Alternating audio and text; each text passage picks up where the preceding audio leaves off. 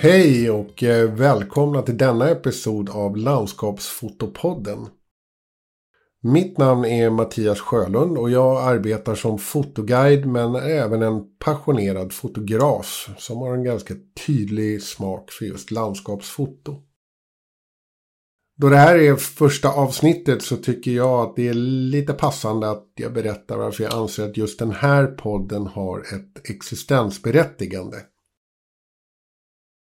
Många har i flera år läst min blogg, prenumererat på det nyhetsbrev jag via Fotomagica släpper varje lördag samt läst mina artiklar i både kamera och bild och fotosidan.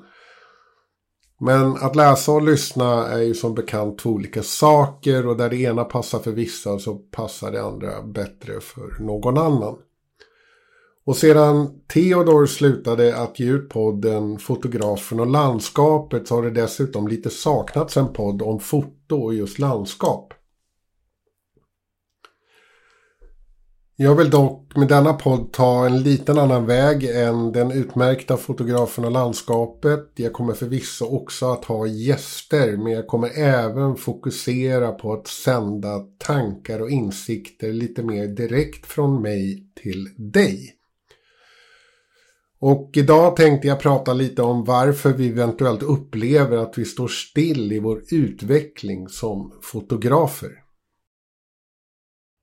Man skulle ju kunna lite elakt hävda att fotografering är ganska lätt.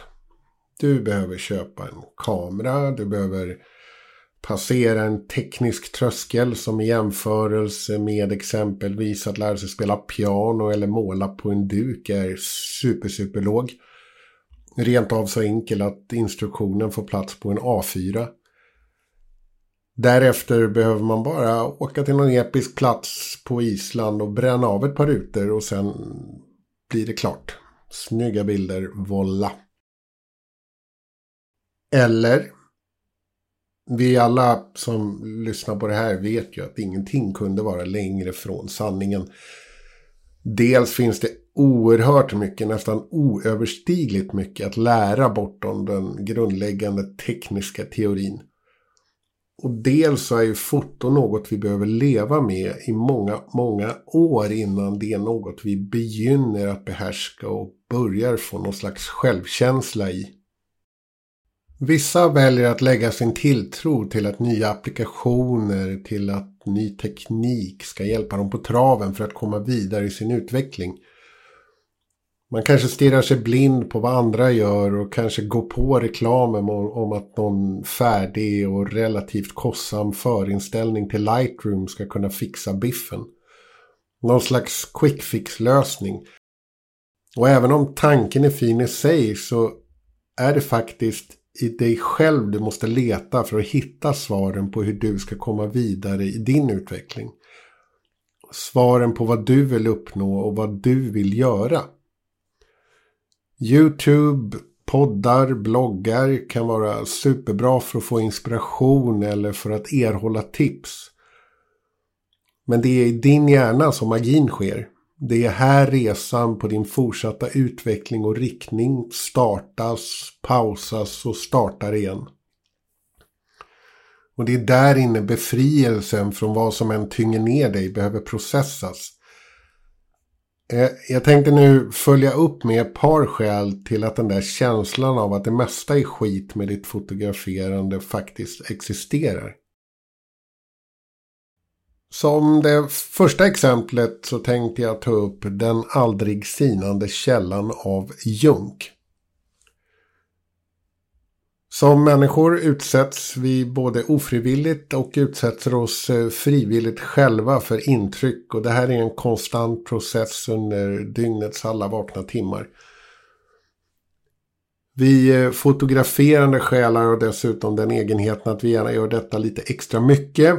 Lite mer än alla andra. Instagram och fejan går varma och vi tittar och tittar och förfäras i varierande grad av både andras men kanske mest våra egna tillkortakommanden och jämför oss inte sällan själva med andras framgångar. Frågeställningarna som följer och som är nedsättande för dig själv bidrar till det eventuella fallet blir ännu större och känslan av total stagnation är därmed komplett.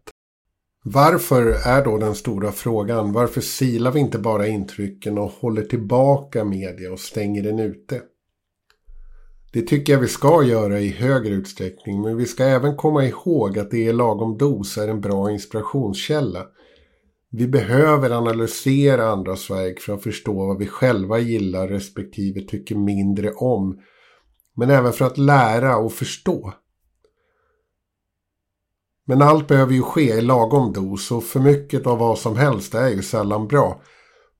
Så stäng av när det blir för mycket, ta en paus på några veckor och titta istället inåt på dig själv och dina egna verk.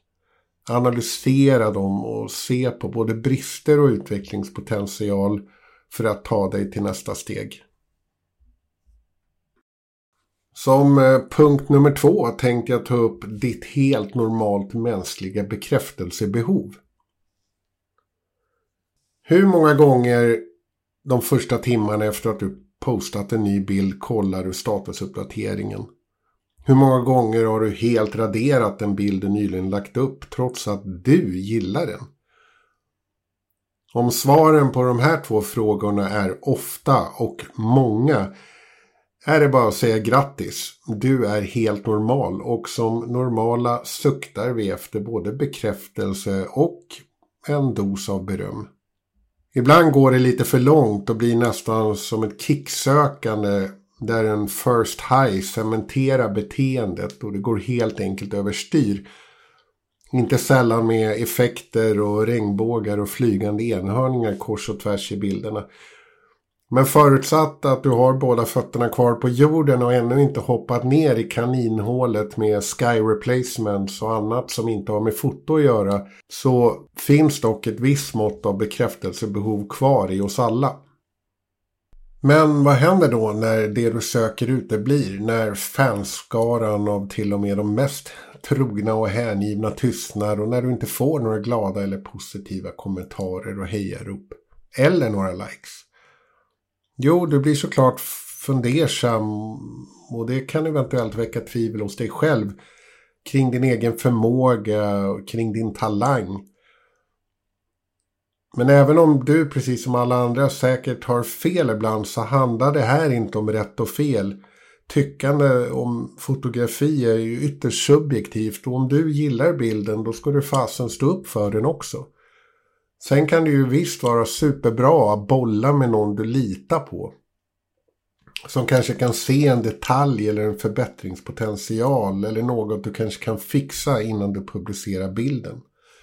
Så ett bollplank, någon slags mentor eller vad som helst är alltid bra för att kunna landa i sådana saker. Men tro på dig själv och stå upp för en bild om du faktiskt gillar den. Då är vi framme vid punkt nummer tre. Vem fotograferar du för? De allra flesta skulle ganska självklart hävda att man fotograferar för sig själv. Men om vi återknyter till det här helt normalt mänskliga bekräftelsebehovet så finns det i regel en liten baktanke ofta. Kanske inte med alla bilder men nog kan det vara svårt att förneka tanken på att wow, den här bilden kommer få många likes, aldrig funnits där vid några tillfällen. Oavsett så är det såklart ett generalfel att resonera så, att ens snudda vid den tanken. För då fotograferar vi ju av helt fel anledning. Jag menar, bli gärna exalterad men behöver ju inte bli det för någon annans räkning. Bli exalterad över rätt saker istället. Samma sak gäller ju tävling. Det är ingen tävling. Och det ska inte handla om att ta prisvinnande bilder. Och så fantastiskt är det inte att vinna heller, kan jag tala om. Det är kul en stund, men det förändrar verkligen ingenting i grunden och att vinna i sig gör dig verkligen inte heller till en bättre fotograf. Det gör det däremot om du fotograferar för din egen skull och om du tar bilder du tycker om och som du brinner för. Till sist skulle jag vilja prata lite om att vara nyfiken och glad. Det kanske är lätt att hålla sig för skratt ibland, men i denna kontext avses med vilken sinnesstämning du har när du väl ska ut och fotografera. Jag har skrivit spaltmeter om att höga förväntningar är kreativitetens största fiende. Och höga förväntningar, förutfattade uppfattningar om bibliska solnedgångar har ingen plats hos en kreatör med en kamera. Det kommer sannolikt inte alls bli som du hoppades och då är det ju liksom kört om du gick in med förväntningar uppskruvade till 11 på en 10 graders skala. Du kommer betrakta den stunden som förbrukad och som någonting ganska tråkigt. Om du istället tar dagen som den kommer och verkligen ser landskapet och dess skiftningar under tiden du är där och är nyfiken på att upptäcka så kommer du att hitta någonting fotovärt. Inte alltid som sagt en prisvinnande bild men det har vi redan konstaterat är relativt om inte totalt irrelevant. Titta upp, titta ner, titta åt sidorna, titta omkring dig, låt ögonen vandra och ta in saker. Gå en omväg istället för den närmsta vägen och framförallt gå inte på samma ställen som förut utan upptäck hela tiden nya platser där du har möjlighet att hitta inspiration och glädje. Det är ju såklart med foto som med allting annat ibland är det svårt, ibland är det jobbigt. Det är en utmaning att komma vidare. Och ibland måste vi låta oss själva vara lite låga också. För utifrån den positionen så kan det egentligen bara vända uppåt. Så det kan vara viktigt att känna av de här perioderna också och kanske låta det få vara så. Men Sammanfattningsvis, jämför dig inte med andra utan titta mer inåt och försök att se till vad du vill göra och hur du vill utveckla ditt fotograferande. Se på dina bilder, både relativt nytagna men kanske också bilder som du tog för ett par år sedan och då kände en stor stolthet kring om de bilderna fortfarande resonerar med dig och du känner fortfarande en koppling till dem så är de ju förmodat fortsatt väldigt, väldigt bra. Jag kommer strax att återkomma i den här poddserien med lite nya vinklar och som sagt det kommer att vara uppblandat med lite intervjuer ibland. Men jag tycker också att det är väldigt viktigt att kunna hitta olika plattformar för att dela sådana här tankar och insikter om foto som alldeles, alldeles för ofta landar i teknik och nya kameror när det egentligen handlar om helt andra saker. Tack för att du har lyssnat. På återhörande.